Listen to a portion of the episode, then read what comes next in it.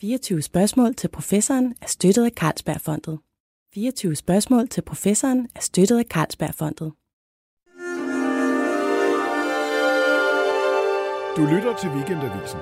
Her kommer 24 spørgsmål til professoren med Lone Frank. Jeg begynder med et lille citat i dag, og det lyder sådan her. En verden uden testosteron vil være et meget anderledes sted. Et mere stille sted. Langt færre voldelige konfrontationer, mindre konkurrence og kun ganske lidt sex. Der vil heller ikke være ret meget udvikling og fremskridt sådan et sted. Det her det øh, er sagt af Joe Herbert, som er professor emeritus ved Cambridge University, da jeg snakkede med ham om testosteron for nogle år siden til en artikel. Og øh, vi skal også tale om testosteron i dag, eller faktisk vi skal tale om mænd og hormoner. Og det skal vi, sjovt nok, med en gynekolog.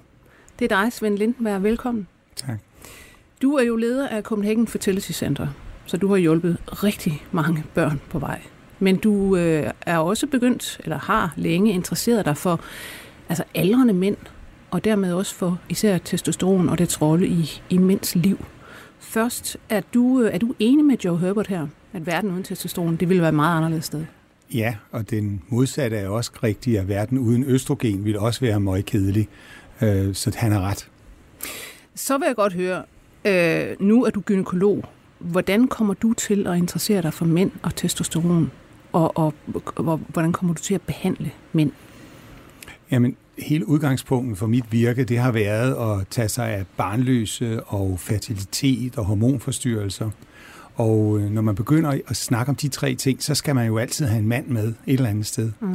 Og meget hurtigt opdagede vi, at en, nogle af de problemer, der ligger hos mænd i deres fertilitet, er også deres hormoner. Og så var det ikke længe, før vi i samarbejde med forskellige internationale øh, steder kunne se, at der var et fragment af mænd rundt omkring i Danmark, som jo også havde forstyrrelser i deres testosteronbalance, ligesom kvinder kan have forstyrrelser.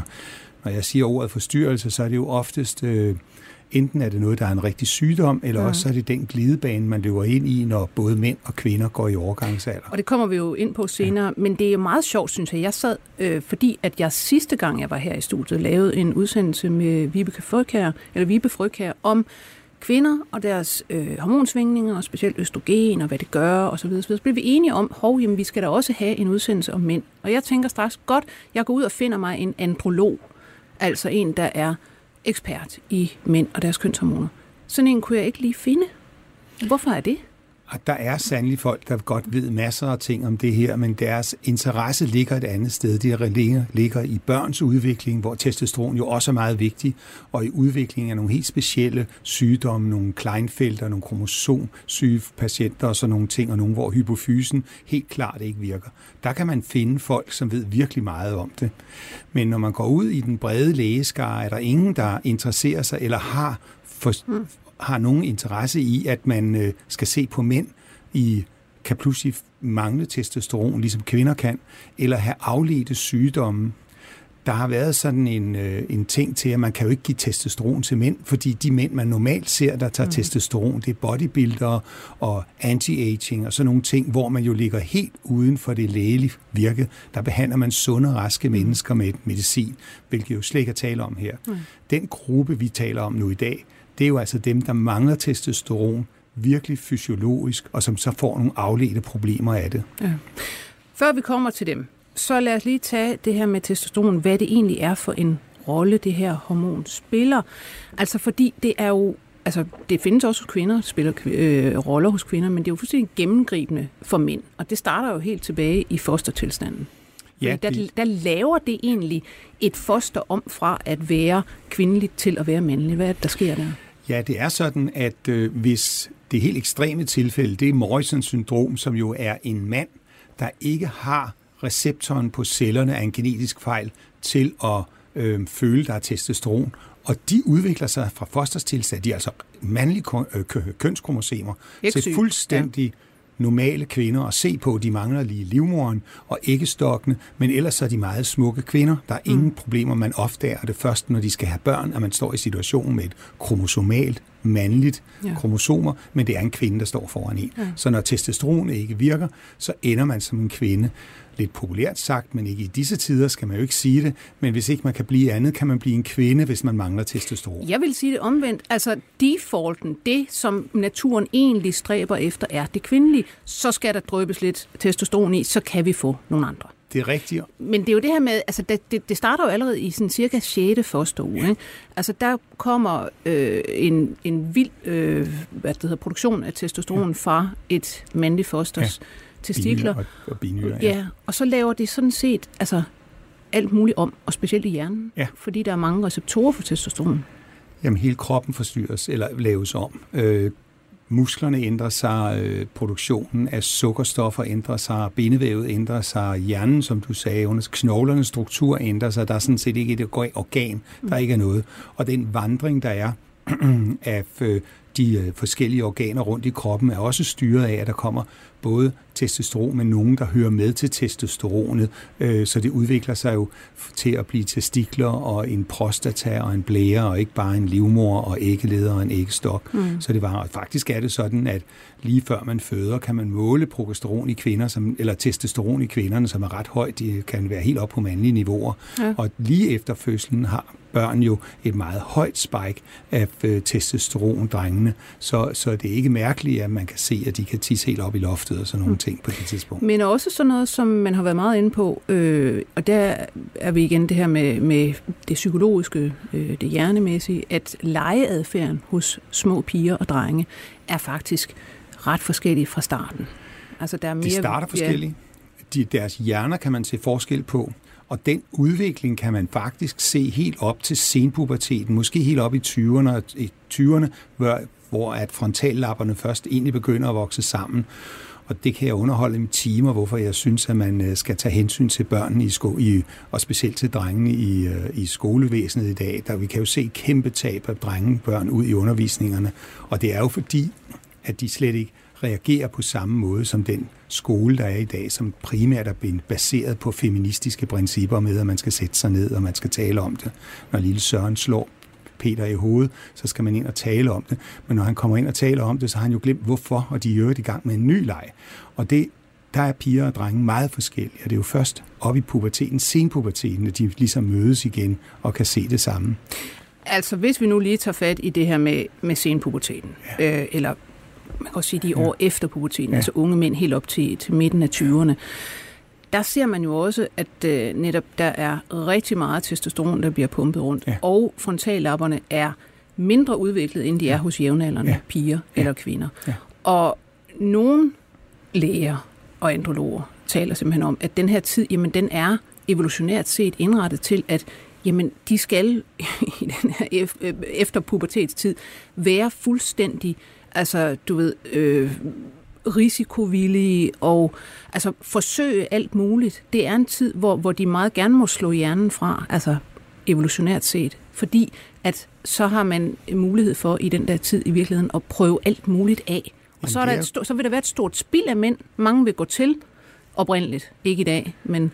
Øh, du har fuldstændig ret. Det er det, testosteronet styrer, og det er også det, der gør, at øh, man kan se, sådan, at mænd har lidt problemer i den periode, fordi det er jo ikke accepteret længere at rende rundt der og være viril og tage chancer og risici og nogle ting. I dag har det jo store konsekvenser, hvis de kører for stærkt i en bil eller laver nogle ting, øh, som de ikke burde gøre. Mm. Så, så det er rigtigt, at øh, det er et problem, kæmpe problem, øh, som kan styres på opdragelsesvis og sådan nogle ting. Men, men testosteron er ikke altid til fordel for de unge drenge. Det vil jeg sige, de har meget høje testosteronværdier, ja. og vi kan komme måske tilbage tilbage efter, at dem, der har haft meget høje testosteronværdier, når de så falder ned i det, vi tror er normale, så er det faktisk nogen, der mangler testosteron. Mm. Og det er en stor diskussion blandt læger, hvad vi skal gøre med dem. Ja. Hvorfor er det, at testosteron understøtter risikovillighed? Ved vi, hvad det er for nogle mekanismer? Nej, det skal du snakke med neurobiologer om, men vi ved nogle ting om det. Vi ved noget om, at nerve ledningerne er anderledes, vi ved, at musklerne bliver anderledes, og vi ved også, at øh, den aggressive adfærd Det vil så også sige, mm. at øh, den kommer også hos kvinder, når de får meget testosteron, men hvis man får meget høje testosteronværdier, kan man få aggressiv adfærd på en måde, man ikke ville få. Er der så også er det modsatte, at hvis man mangler testosteron og har haft det før, kan man også få en slags aggressivitet, men det er lidt på grund af nogle andre ting. Men, men det, det er klart, at det, de får større muskler, de får mere, mm. de kan gøre med. Det er lettere at skubbe til en modstander, end at tale med ham, fordi man er så meget stærkere, så man kan jo ligesom mm. få det overstået med det samme. Men den der aggressivitet, altså jeg tænker også umiddelbart, øh, og det samme med risikovilligheden, altså der er jo, som du siger, testosteronreceptorer i, på celler i stort set hele kroppen, hele og i hele hjernen, men især i det limbiske system, ja. altså det man kalder følelseshjernen, ja. øh, der er virkelig, virkelig tæt besat med, med testosteron. Altså, og formentlig vel derfor, at man kan se de her netop altså, aggression, lynhurtig stemningsskift. Altså. Altså, de er, de er meget på vagt, og øh, de er meget alert. Vi ved også, de sover på en anden måde med det høje testosteron end kvinder. De har nogle andre typer af remsøvn og sådan noget. Man Hvordan kan, det? Det har jeg aldrig kan, hørt om. Man kan, næsten, man kan næsten se på søvnrytmen, om det er en dreng eller en pige, der ligger og sover mm. bare på det. Så det kan man godt. Så de har en anden måde. De vågner også hurtigere, hvis der mm. sker noget. Øh, så det er, de er skruet sammen på en anden måde, end pigerne er. Om det så er fornuftigt i det her samfund, vi er i i dag, det ved jeg ikke. Mm. Men, men det, der, hvor man så diskuterer det rigtigt, det er, jamen, har den risikovillighed, og det så også noget at gøre med, at de er mere kreative. Og det har jeg diskuteret med en masse kunstnere, og det er altså ikke sagen. Altså, de er ikke, hvad skal man sige, kreative i mange dimensioner. For øvrigt kan kvinder jo håndtere oftest flere ting på én gang, hvor mænd jo meget ofte kun kan klare én ting ad gangen. Og det betyder, at de formentlig er meget målrettet på én ting ad gangen, hvor kvinder kan høre en A, B og C løsning kørende ved siden af hinanden. Det kan mænd ikke. Så der er den der store forskel, og det er testosterondrevet, det ved vi. For mm. vi ved noget fra kastrater, der ikke dengang man kastrerede folk til sang og så videre, at de fik en anden større empati og ting og sager. Altså man taler jo også om, altså når man, når man kigger på de her øh, størrelser i dag, og man diskuterer jo virkelig meget det her med, er der psykologisk forskel på mænd og kvinder, og hvordan ytrer den sig, øh, hvis der er. Og man taler jo meget om, jamen, ligegyldigt hvilke menneskelige egenskaber vi ser på, altså om det så er altså både aggression, om det er øh, verbal kunden, for eksempel, øh, som kvinder altså scorer højere på konsekvent øh, end mænd, at det er noget med en klokkekurve fordeling for hver af de her køn. De kan så lappe ind over hinanden, men der vil være en forskel på, på middelværdien. Og for eksempel, altså verbal kunden, verbal formåen er, øh, den bliver øh, hurtigt højere hos, hos piger, øh, og bliver ved med at være det, sådan set. Men så er der nogle særlige ting, som evnen til at kunne rotere ting øh, mentalt i tre dimensioner, ser ud til at, at øh, være højere hos drenge, og blive ved med at være det hos mænd. Og når man så kigger på netop kvinder med højt testosteron, eller som har været udsat især for højt testosteron i fostertilstanden, jamen så er de typisk skubbet over i en mandlig retning. Det ved vi, og det du berører der er sådan et ømtåligt emne, fordi vi har jo nogle kvinder, som har det, der hedder PCO, eller polycystisk syndrom, og hvis ikke man får reguleret deres hormoner på en god måde inden graviditeten, og det er en af mine indgangsvinkler til hele det her problemstilling, så vil man måske se en påvirkning af fostrene på en måde, således at selv kvindelige fostre har en, hvis vi kan faktisk inducere eksperimentelt øh, PCO og mandlige træk hos et kvindeligt foster, også op i, også når de bliver voksne, hvis man har øget deres øh, testosteron eller kvindens testosteron under graviditeten. Mm. Så derfor gælder det om at styre den under graviditeten. Det er faktisk ret vigtigt og noget, vi bruger ret meget tid på på vores klinik. Mm. Men, men det er rigtigt, at der er sådan en stor forskel. Men så kan man også sige, jamen, er det så godt eller dårligt? Jeg synes jo, når jeg ser på uddannelsesinstitutionerne og så steder, så er det ret dårligt lige for øjeblikket, fordi vi jo ikke helt har forstået både hverken kvinden eller manden. Vi har ikke forstået kvinderne, at de kun kan føde børn indtil de bliver i 35-40-årsalderen, men nu skal de altså ind og køre karriere med det samme. Man har helt glemt, at mændene ikke kan føde børn. Det er den ene del af det.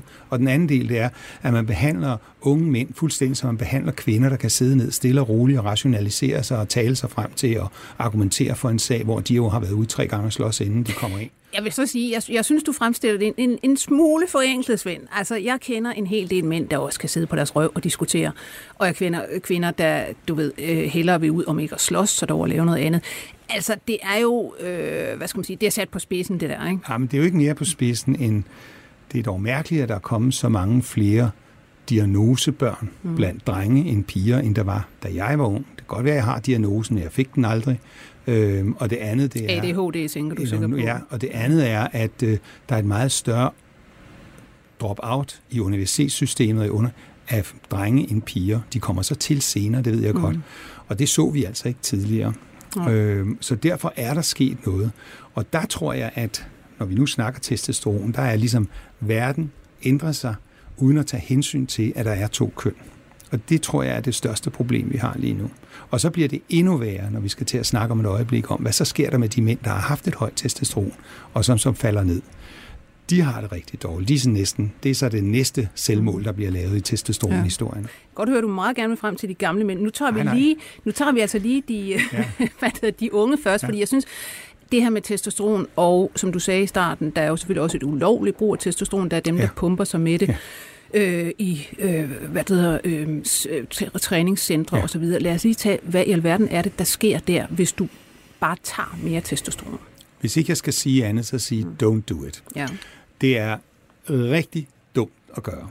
I træningscenter og andre steder, der tager mænd jo testosteron, fordi for det første vil de tabe sig, de får større mm. muskler, og de kan få meget større muskler på en meget kort tid, og de er ligesom med i teamet, så de kan løfte meget mere jern, når de får testosteron.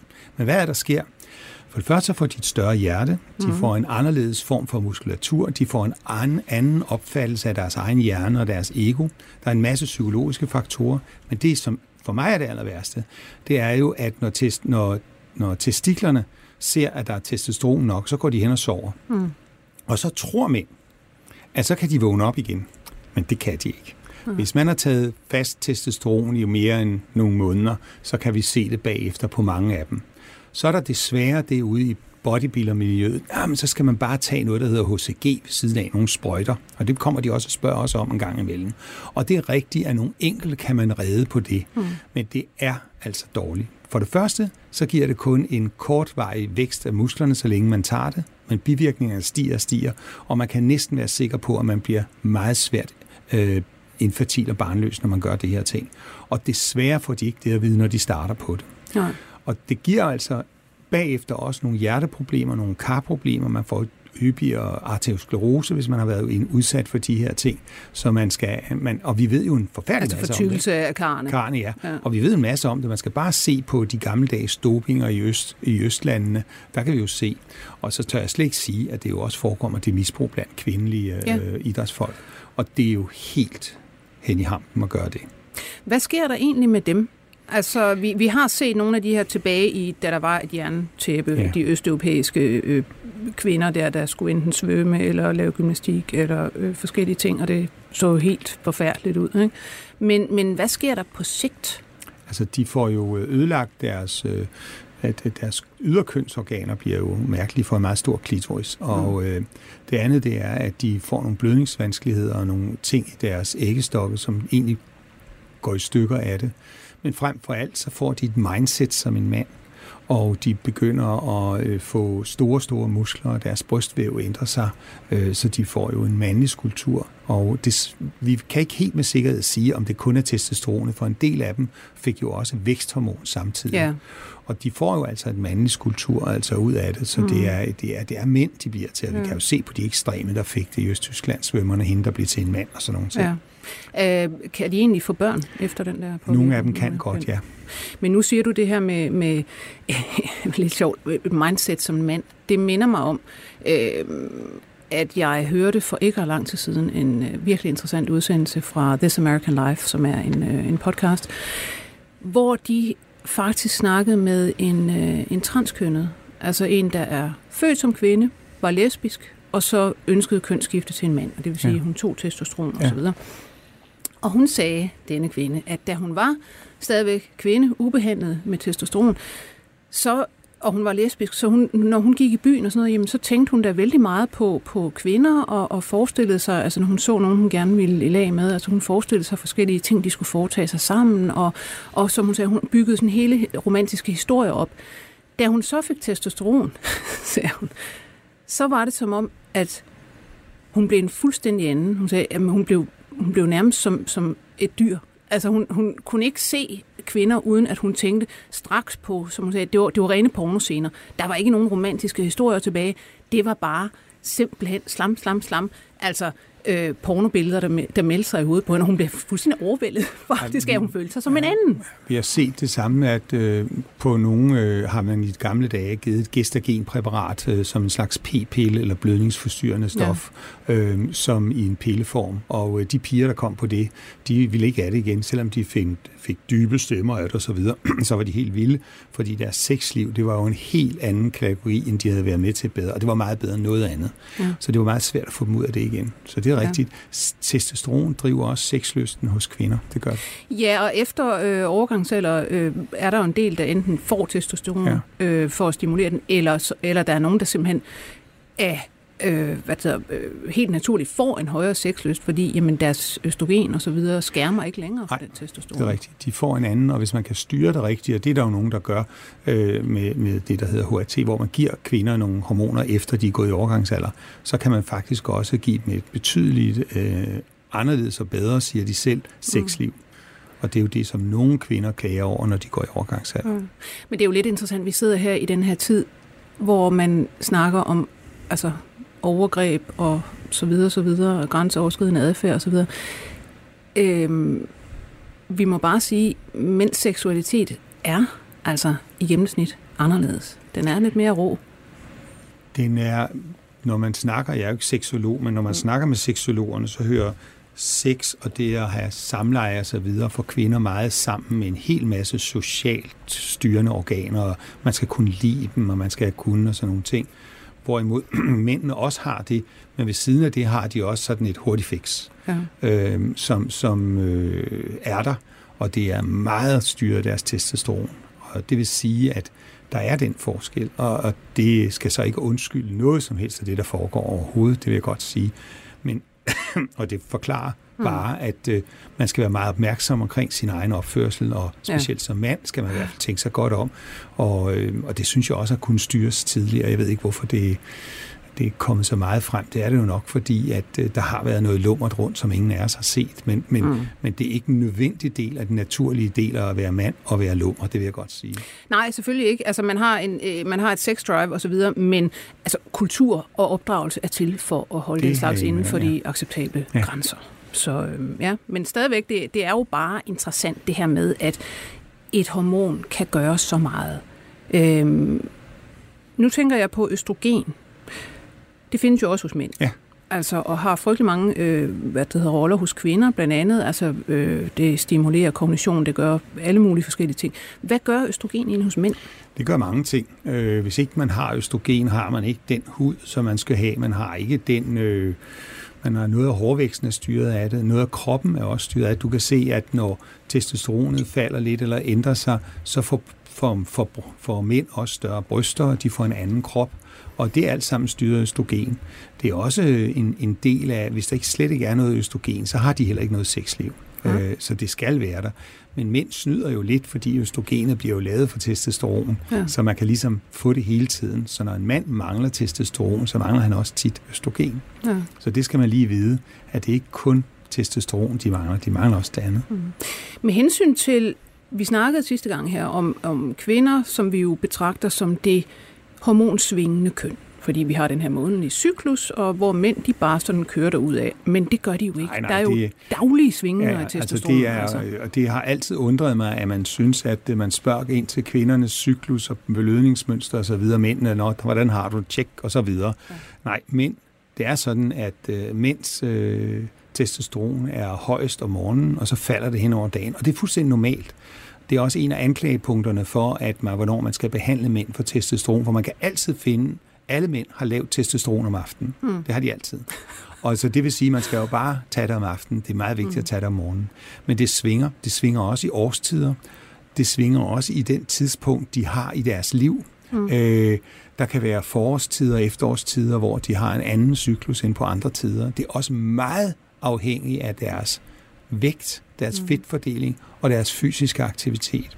Og det er jo noget, vi udnytter i vores behandling af disse mænd, der har for lavt mm. testosteron. Man kan faktisk komme meget langt med livsstilsændringer. Ja. Jeg synes, noget meget sjovt er, at man kan læse nogle, der er, er nogen, der har forsket i, hvad, altså igen det her med, med risikovillighed, og kigget på børshandlere. Faktisk fandt de i sådan en stor gruppe øh, børsmalere, at dem, der havde de højeste udbytter, det var dem, der havde et, det højeste testosteronniveau. Mm. Altså, og de var, kunne man se i deres handler, meget mere risikovillige. Man kunne også se, at hen over netop en periode, så kunne man fuldstændig tegne en kurve, der, der, der, hvor en mands testosteronniveau svingede med hans risikovillighed, og dermed med hans udbytter. Ja. Og det er jo så, kan man sige, sikkert meget godt i opgangstider, hvor der er risikovillighed, og så tjener man penge på børsen. I nedgangstider, der tror jeg, det er rigtig skidt, faktisk, den der risikovillighed. Men det, øhm, man skal ikke være så øh, man skal ikke være så forglemmet i, at det er i dag, vi skal risikovillige, vi skal tage en chance. Man skal jo tage den på kalkuleret basis, og der er pigerne oftest meget bedre. Ja. Og, og det er jo derfor, det er så godt, der er kvinder alle steder, også i erhvervslivet. Fordi nu må man sige, hvis man ser på nogle af de øh, CEO'er, der sidder rundt omkring, der er kvinder, de firmaer klarer sig faktisk bedre ja. over en lang kamp, end dem, hvor der er en mandlig CEO i. Det så jeg her for ikke så længe siden. Og det er jo nok mere på grund af kulturen igennem hele strukturen. Mm. Men det er dog sådan, at øh, risikovillighed, ja, det er godt til et vist mm. punkt, men man skal ikke blive ved. Som ja. læge skal man jo ikke være risikovillig på patientens vegne. Man kan jo være det i forskningslaboratoriet, når vi er mm. unge og tror, vi skal have Nobelprisen. Men når vi kommer ud til patienterne, så bliver vi nødt til at have noget anden holdning til tingene. Ja. Så er der sådan noget som svingninger i forbindelse med øh, altså livsbegivenheder. Ja. Forelskelse, der går det for eksempel ned. Ja. Og første barn, hvordan er det der? Ja, det er, det er helt forfærdeligt. I gamle dage så sagde vi jo bare, at det var nogle skvathoveder, de mænd, de ikke kunne tage sig sammen og passe det barn, og de var bare plader, og de vidste ikke, hvad det hele kunne ikke tage ansvar. Men det er faktisk sådan, man kan måle sig til, at øh, de får et stress, PTSD, noget andet, når de ser det her barn, og pludselig opdager de, og det er jo lidt noget med, hvordan mandens hjerne er. Den tager tre dage frem i tiden og kalkulerer, hvad skal vi nu gøre, og sådan nogle ting, og pludselig kommer der noget, et barn ud, mm. hvor at tre dage, det er ikke en option. Det her, det er hele resten af dit liv. Du hedder far. Mm. Og det er der altså nogen, og det ser vi igen og igen, velfungerende mænd, pludselig så skal de en tur i skoven og gå og tænke sig lidt om, fordi hvad er det nu, der er gået i gang her? Og det kan skabe, ligesom kvinder også kan få, men der kan man ligesom bedre forstå det, fordi der sker en masse øh, fysiologiske ting, når fosteret går ud, og testosteron falder en masse ting. Men hos manden sker der lige så mange ting. Mm. Og det er, det er båret, i den ekstreme fase er det vel båret af, at mænd jo er meget styret af de frenoner, der kommer fra kvinderne. Når de går sammen med en kvinde, så kan de jo styre sig. Pludselig sender hun nogle andre ud. Og nu, hvad er det nu for noget? Så er der et barn, de ikke kender lugten af, og det hele skal være. Det bliver meget besværligt for dem. Men man ser jo faktisk et stort testosteronfald, ja, altså efter første ja, barn. Og, ja. og, og det er jo så også, kan man sige, evolutionært igen formentlig meningen. Nu skal man ikke tænke så meget på, du ved, aggression, sex osv. Man skal sådan set være med til at passe det her ja. barn. Men det der store drop kan jo, kan jo også udløse depression. Jamen, det får de. Der er jo øh, der er jo fødselsdepressioner mm. hos mænd, som er lige så alvorlige som hos kvinderne. Mm. Og, og det, det har hvad man ikke rigtig synes var sjovt at snakke om, fordi mænd kan jo ikke have depressioner og hele den der holdning, og de fleste læger var læger, var jo mænd på det tidspunkt, så nu må du bare tage dig sammen og se at komme hjem og mm. passe de blære. Mm. Men sådan er det jo altså bare ikke. Det er en, det er en tilstand, der skal behandles. Ja. Og så synes jeg, vi kommer til det her med behandling endelig. Øhm, der er jo et fænomen, som nogen kalder andropause, mandlig overgangsalder, som man har diskuteret frem og tilbage. Hvor nogen siger, jamen altså, øh, hvad det hedder, det findes det her, øh, mens andre siger, at det er ikke nogen, man kan ikke sige, at det er en, en, hvad skal man sige, en, en overgangsalder, der er et, et jævnt fald osv. osv. Men jeg synes, det er interessant. Jeg fandt faktisk noget fra en artikel her, øh, forskningsartikel tilbage fra 39, hvor jeg lige vil øh, læse et citat. Det virker rimeligt at tro, at mange, om ikke ligefrem alle mænd, gennemgår en klimakterisk periode, som til en vis grad ligner kvinders, blot i en mindre drastisk, men måske mere langtrukken udgave. Og det bliver altså skrevet af uh, August Werner fra St. Louis University Medical School ja. i 39. Men dengang kunne man ikke fremstille testosteron. Og, og det blev ikke ligesom, der var ikke nogen, der tog sig af det her.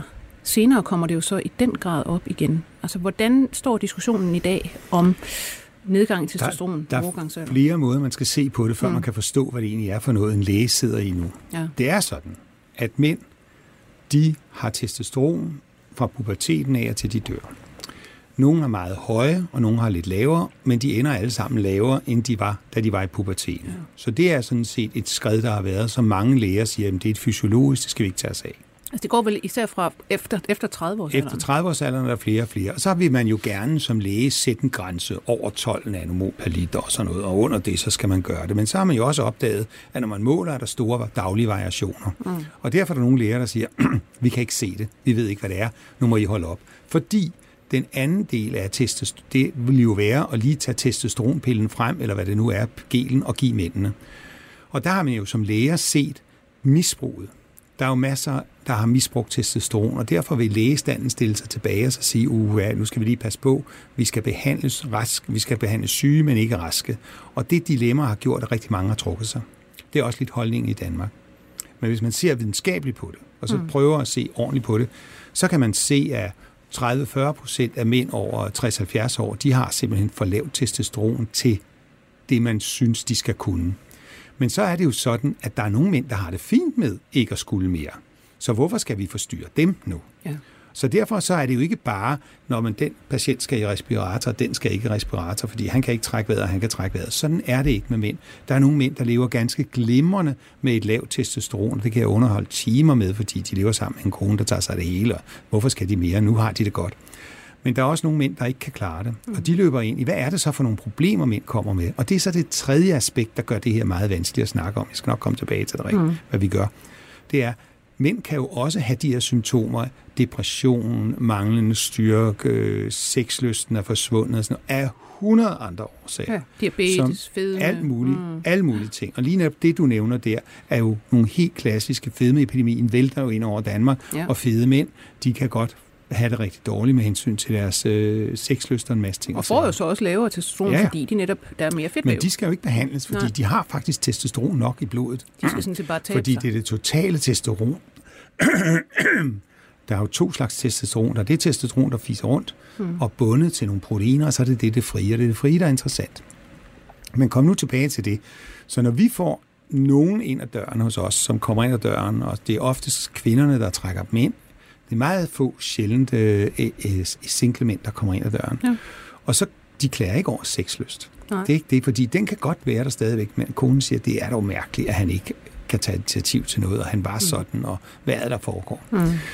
Men så går vi jo i gang på den måde. Vi tager nogle blodprøver. De kan for også have stofgiftesygdom. De kan have alle mulige andre, og de kan jo i øvrigt også have en genuin krom, øh, defekt i hypofysen, som gør, at de ikke laver testosteron, ja. så er der jo ikke nogen læger, der er, i, der er i tvivl om, at de så er det bare, ja. så er det hypofysefunktionen, så ved vi alle sammen godt, hvad vi skal. Men det er den ja. anden glatte gruppe. Ja. Hos os gør vi det, at vi snakker meget med dem. Hvis de er store, har sygdomme og andre ting, begynder vi at rydde op i dem først. Mm. Fordi man skal jo ikke også genere testosteron og aggressivitet og en masse ting, før man kan det. Så overvægtige, dem går vi ind i vores vægtreguleringssystem og prøver at få dem ned. Og det er meget sjovt mange af de overvægtige, der stiger testosteronet, uden at vi behandler dem andet for deres overvægt. Ja. Så det er jo godt. Også nogle er meget inaktive fysisk, de skal også. Men der er en gruppe tilbage, vi ikke kan få tilbage, vi ikke kan, og de skal have. Og der har jeg utallige eksempler på, at folk er kommet tilbage på arbejde og har taget sig af deres ansvar igen, når de har fået testosteron på den måde. Så er der det mærkelige, som vi ikke kan forklare, og som både kanadiske læger og amerikanske læger og andre ser, det er, at det kun i en periode, de mangler den her behandling. Pludselig, så kan man trække det ud af dem, og så mm. kan de køre selv igen. Så det er, det er en multidisciplinær sag at behandle, og det er jo derfor, det ikke der er ikke nogen androloger, der, der er ikke ja. rigtig nogen, der kan tage sig af det i det er Danmark. Jo, det er jo interessant, når du netop siger, i forhold til dem, der har taget det ulovligt, som egentlig lukker deres egen testosteronproduktion ned. Men ja. det sker så ikke med dem her, som Nej. har for lavt testosteron. I, I begyndelsen slår det dem lidt ned, men vi giver mm. jo slet ikke de doser, som, som bodybuildere tager. Så derfor er det en diskussion med dem, hvordan har du det? Vi har haft øh, advokater, der har været ved at sælge deres virksomheder og meget andet, og pludselig så kommer de tilbage og smider kompaniet ud og siger, nu skal vi køre, og i dag kan vi se, at de klarer sig godt. Vi har øh, tidligere veteraner, der har været ude i alt muligt, som jo har fået multiorgansvigt hormonelt, og når mm. vi så mm. begynder at øh, testosteron til dem, jamen så siger jeg for gud, det må du ikke, han er en farlig soldat. Nej, nu bliver han ikke farlig, for nu bliver han rolig og stille. Nu mm. får han det tilbage, han gerne vil her i livet. Og det har vi masser af eksempler på, at, at, at mænd, der bliver behandlet ordentligt, får det, og som man skal følge op på. Men det er ikke nogen mirakelkur. De skal også ud og motionere, de skal også lære et liv, de skal ikke sidde med en colaflaske i hånden. De skal mm. altså have et liv tilbage, ja. og testosteron er kun en lille brik af det. Og der er jo langt herfra til det, man, øh, altså man startede i virkeligheden i 2008, noget der hed Solvay Pharmaceuticals i ja. USA, som introducerede et begreb, de kaldte low T. Ja. Altså at alle mænd over 40 stort set, de havde nu lavt testosteron, og så skulle man sådan set bare i gang med en gel. Og man har jo, altså derovre, for eksempel folk som Sylvester Stallone, der netop er ude at sige, at det skal bare tilsættes til vandet det skal alle ældre mænd have, fordi det er så skide godt. Og Men det er jo vildt det er jo, det er, jo, det er jo så den anden ting i det, det aspekt, hvor er en mand på min alder, 66 år gammel, øh, nu kan se, at sønnen er blevet stærkere, og de kan skulle løbe hurtigere, og jeg har fået ondt i knæet og sådan nogle ting. Og så, øh, ah, så kan man måske lige være med igen, mm. hvis man tager det. Og det kan man. Ja. Men det er på en bekostning. Sylvester Stallone, prøv at kigge på ham, det er jo ikke så pænt, vel? Nej. Og, og der er også mange problemer. Der er mange problemer, så man skal, man skal virkelig tænke sig om. Og der må man sige, at den danske lægestand har taget ansvar. At de så måske har taget det ansvar, der er lidt for voldsomt til, at der er nogle patienter, der aldrig bliver behandlet på grund af det her. Det synes jeg er ærgerligt. Det prøver vi så at råde bod på. Men det er jo ikke en bodybuilder-klinik, vi er ved at sætte op. Hvad det? Nej. Det er det jo ikke. Altså jeg snakkede for nogle år siden øh, i forbindelse med det her emne med Stefan Arve fra Karolinska, ja. som er øh, jeg sige, øh, svensk på den der måde, hvor man virkelig tænker sig godt om, og man refererer til store studier og så videre, og så videre. Og han peger selvfølgelig også på, jamen altså, man kan ikke bare tale om, at alle har lavet testosteron og så videre. Det er simpelthen for meget. Men han siger også, at øh, i Sverige er der en stor grad af underbehandling, og han har regnet sig frem til, at der cirka vil være 70.000 mænd derovre, som egentlig burde have testosteron, ja. og der er måske 13, der får det. Øh, har vi samme grad af underbehandling herhjemme? Ja, det har vi. Øh, vi kan jo se på, på nogle data fra nogle kohortstudier, som er lavet i Canada, hvor man kan se, at 40, 30, 40, 50 procent af mænd over en vis alder har for lavt. Og hvis man så går ind og laver noget, der hedder et Adams score, som er en slags ret primitiv score, hvor 6 ikke er det mest alvorlige score, mm. men noget med noget styrke og nogle andre ting, så kan man faktisk se, at 20-30 procent af mænd over 50 år, de rammer ind i den her gruppe. Så der er måske 20.000, 30, 40.000 mennesker i Dan, Dan, mennesker, mennesker, altså mænd i Danmark, som, som vil kunne have glæde af denne her behandling. Ja. De ender hos psykologer, psykiatere, øh, tager der nu sammen, øh, personlige coaches og sådan nogle ting. Så du kan se dem rundt omkring. De er nødt til at hyre en personlig coach for at komme op og sidde på en stol eller sidde på en cykel og træne. Altså det er jo helt latterligt. Hvorfor kan man ikke bare sætte sig op på en cykel og sætte? Men det har de simpelthen ikke energien til. Ja. Men de ved godt, de skal den vej. De skal jo have vejledning og det, og det er meget livsstilsændring, og testosteronterapien er kun en del af det. Og vi kan faktisk se, som jeg sagde før, at hvis man laver om på deres liv, så kan man næsten få deres testosteron op, uden at man laver. Og det er jo argumentet for, at man ikke skal behandle dem, men der er altså nogen tilbage, og man bliver nødt til at tage dem alvorligt. Mm. Det er jo en del af vores arbejdsliv. Når vi snakker om, at vi skal have mænd til at arbejde, og kvinder i øvrigt også, længere i deres arbejdsliv, så er det den her gruppe, man kan godt tage fat i. Og jeg siger ikke, at de skal på testosteron alle sammen, men jeg siger, at man skal prøve at finde de rigtige. Det er meget interessant, synes jeg, med, med det her hormonbehandling af ældre mennesker i det hele taget. Altså med kvinder efter overgangsalder, hvor vi snakker om, om østrogen typisk, øh, der, er, der går diskussionen ofte på, at rigtig mange kvinder vil selv ikke have det, fordi de synes, det er unaturligt, og der er måske også en, en lille øget øh, kræftrisiko. Og, men meget af det her, men det er naturligt. Men det er noget, man har diskuteret meget længe. Det at tale om, om lav testosteron hos mænd, det har sådan en eller anden pinlig klang, har det ikke for mange? Jamen det er jo fordi, at, øh, og det kan vi også se på fertilitetsklinikkerne, hvis du siger til en mand, du har en dårlig sædprøve, så mm. går han bagefter konen tre skridt bagefter og er ked af det hele tiden. Ja. Hvis du siger, at du har simpelthen sædprøve, der bruge som donor, så er det jo ikke det, han ikke kan få underhold om inde på stuen. øh, og sådan er det jo. Og øh, sådan er det også med lav testosteron, fordi man i udbefolkningen tror, og det var det, jeg sagde før, det er ikke sikkert, at man har en dårlig øh, erotisk, og en, øh, at man ikke har erektion og kan bolde damer, fordi man har lavt testosteron. Det hænger mm. ikke altid sammen, men det gør det ude i befolkningen, så når du har lavt testosteron, ja. så duer din tidsmand ikke til noget. Og, og det er jo derfor, det bliver pinligt at snakke om, fordi hvis du kommer op og så skal hjem og sige det, jamen ja, eller til vennerne, jeg er behandlet ja. med testosteron. Og det er jo noget værre sludder. Det er simpelthen noget værd sludder.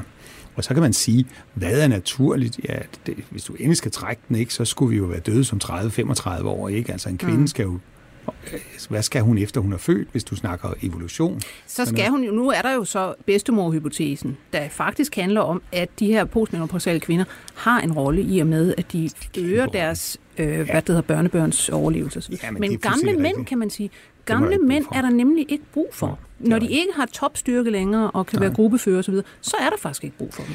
Altså det vil jeg jo så sige, det er, at de har en erfaring. Mm. Og, og der må man så sige, i hvert fald i, i vores klinik har vi ældre læger ansat, og det er jo dem, der laver mindst fejl overhovedet nogle steder. Ja. Så det er jeg jo glad for dem, der er ældre. Men jeg tør ikke tage deres testosteron, for så bliver de Nej. nok kede af det. Men, men enden på historien er jo, at der er nogen, der skal behandles, og det er en underbehandlet gruppe. Og det skal bare ikke være modelæger eller noget andet, som bare giver testosteron for sådan nogle anti-aging-klinikker, som Sylvester Stallone kommer ind i. Ja. Det er jo ikke der, vi er. Og det er jo den nervøsitet, der er i sundhedsvæsenet i Danmark. Der er noget, der hedder patientsikkerhed, og man skal altså ikke administrere medicin til sunde mennesker. Man skal gøre det til syge mennesker, man vil gøre helbred, mm. man vil helbrede. Og det er den gruppe, vi skal have fat i. Nu du siger det her med anti-aging, det er jo igen hormonbehandling, både til kvinder og mænd. Det lyder jo netop med det samme af, øh, jamen, det er som at vende tilbage til sin ungdom. At der er frygtelig masse gang i sådan noget netop anti-aging med bioidentiske hormoner og hist op og komme herned. Hvor, hvor risikabelt er den slags egentlig? Det er smadret farligt. Mm. Øh, hvis du håndterer hormoner på en måde, som ikke er optimal, altså give væksthormon, det bruger de jo meget i Amerika, noget, der hedder DHEA, mm. øh, som er i virkeligheden testosteron, bare en, et biprodukt. Som det, kan det, det kan du købe inde i, i fitnessbutikken. Ja, Værsgo, æd det her. Det kan du. Og det er jo altså det er jo simpelthen øh, testosteron. Og det vil sige, for kvindernes vedkommende, så, øh, så laver man maskuliniserer man dem, og for mændene giver man dem større muskler. Og øh, det er også sådan, at øh, væksthormon i sig selv, jo, der, vi har jo nogle sygdomme, der hedder akromegali, hvor man kan se, at øh, tænderne bliver udvidet, og fødderne vokser, og de får også nogle hjerteproblemer. Sådan noget. Det var så faktisk det, det ham øh, skurken Jaws, det var fra, en akromegali. Han havde akromegali. Ja. Du kan også se på vækstcentrene eller på mm. fitnesscentrene nogen, når de begynder at få afstand mellem tænderne, så ved du godt hvorfor. Så, så det, det er der store kæber. Så inde på historien er, at, at, at man skal ikke bare give det. Øh, der er der er jo også osteoporose blandt mænd for eksempel, hvor at den nu gængse osteoporosebehandling jo er øh, med forfærdelig mange bivirkninger, hvor en lille bitte smule testosteron vil gøre det samme. Og der har man ligesom overset den indikation, vi har, så nogen vi gør det på nu. Men, men man skal passe på med, Altså, det må ikke blive sådan et wonder drug, fordi mm. det er jo, altså ligesom kodimagnyler er blevet, det kan både tage hovedpine og ondt i nakken og ondt i livet og alt muligt. Mm. Øh, man, skal, man skal bruge det til det rigtige, og det er jo det argument, der er for dem, der er modstandere af, at jeg behandler. Det er jo, at man skal jo passe på med, at det ikke bliver et modefænomen. Ja. Og det er derfor, vi hos os jo er ekstremt, vi tager blodprøver, vi vurderer patienterne, vi følger op på dem hele tiden og dokumenterer, hvad vi gør. Og hvis ikke patienterne er med på det, hvis de tror, de kan komme ind ad døren og bare få et fix, vi har ikke engang fået lov til at undersøge dem, om de skal have det, så er det jo mm. helt ude i skoven, og det skal man slet ikke gå med mm. til. Tror du egentlig, at der kan blive en større interesse for mænd og hormonbehandling, det er hele taget ældre mænd og deres sygdomme. Jamen det er jo derfor, vi sidder her nu i dag. Mm, jeg var så glad for, at du inviterede mig, fordi du er en af de journalister, der... Vi, vi interesserer sig rigtig. for mænd. Ja. Nej, ja, nej, der er også en vis form for, for fornuft i alt det, du laver.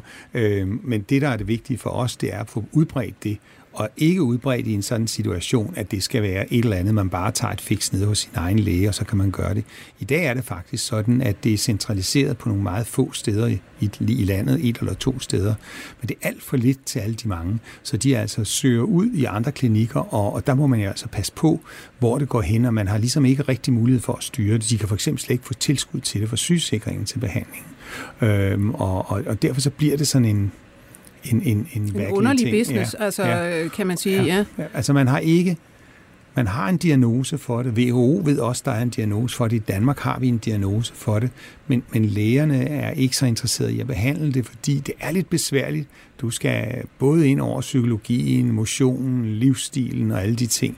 Og du skal også være mulig, have mulighed for at give dem råd og vejledning om vægttab, som jo er et mm. kæmpe problem i Danmark i dag.